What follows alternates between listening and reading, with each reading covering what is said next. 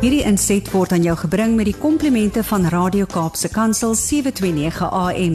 Besoek ons gerus by www.cape pulpit.co.za. 747 on your Youth Day Wednesday. Uh, you know, age is just a number. She reminded me about that. So she's young at heart and she's on the line. Zanti Swanepoel. More, Zanti? More, Brad. Ja, nee, wat. Our hearts are full of the youth and the the glory of the Lord. So, ons ons celebrate saam vandag. and if we were in the Old Testament, then you and I would still be adolescents. I mean, because people were living to be 600 years mm. old and more. So we would very much still be youth. Absolutely. and I believe with my whole heart that, and, and research is there, that we can today live 120 years. So I'm not even halfway yet. Yeah, by far. You see? Ek nog 'n kinders. There we go. No- enough, enough about all of that. We've got very intense and serious conversations to have this morning.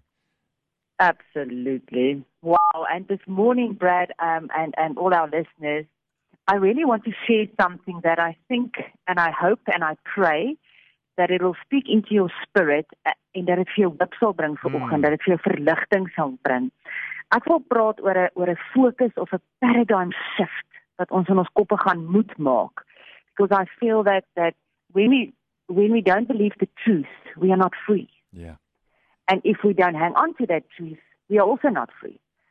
And the truth of, of this life and, and everything that we are busy with is that we are stewards. Mm. En ek dink as ons regtig ver oggend net weer ek ek voel dit net so sterk op my hart en en vir myself ook want ek moet myself heeltyd check. Am I the provider in my story or am I the steward? En die, en die woord van die Here sê in 1 Korintiërs 4 vers 2, moreover it is required of stewards that they may be found trustworthy. Ja. Wat vir my meer en meer is ek is die steward because we stress hmm. all the time about especially our finances Yeah. But we don't realize that we are not the source. We are only the steward. And when we realize that, it takes that load off because then He becomes the source. God becomes the provider. Mm. He blesses the works of our hands. He gives us what we need. Mm. But if our focus, Brad, is ons heeltyd fokus om om die provider te wees, dan vergeet ons om 'n steward te wees. Mm. And the truth is that when we steward with responsibility and wanneer ons met wisdom steward, then God gives us more. Yeah. Maar ons probeer self meer voorsien. Want ons ons het maar soms 'n paar trust issues.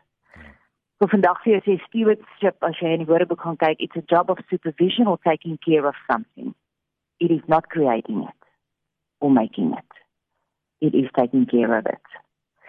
A biblical view says utilizing and managing all resources God provides for the glory of God and the betterment of His creation and kingdom. Mm.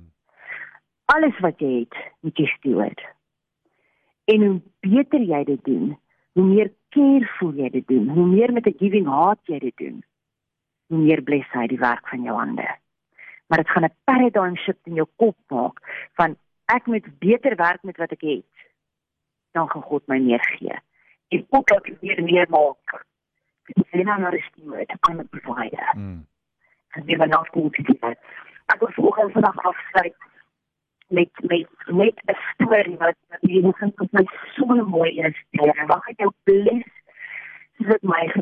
Uh, Zantie, sorry, before you Um, continue, we're struggling to hear you. I wonder if you can, if there another place you can maybe move to where there's a better signal. We're just losing you a little bit.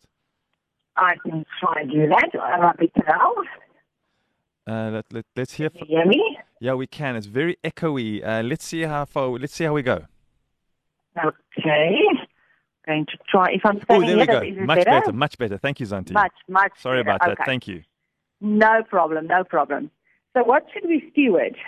We have a few things to steward in God's Word. Firstly, our bodies, our environment, our talents, our time, our money, and our possessions. Mm. None of that we create, none of that we provide, but we have to steward it. Now, the story I'm going to end off with, and I pray that God will give us clear audio Mm. in Jesus' name, Amen. and that it will bless you out of your socks is in it's a story from 1941. Wow. And when World War II came to Leningrad, now called St. Petersburg, the Vavilov Institute had accumulated seeds from 187,000 varieties of plants, Wow. of which about 40,000 were food crops. It was the biggest seed bank in the world. In the fall of 1941, the Nazi forces tried to take Leningrad and held off by, and they were held off by the Red Army. Leningrad became cut off from the outside world for 880 days. The institute was cold, damp, and dark, and the temperatures were minus 40. To make a long story short this morning, these scientists looked after these 187,000 seeds. Wow. They were stewarding Yes. so that us today in 2021 can have food crops.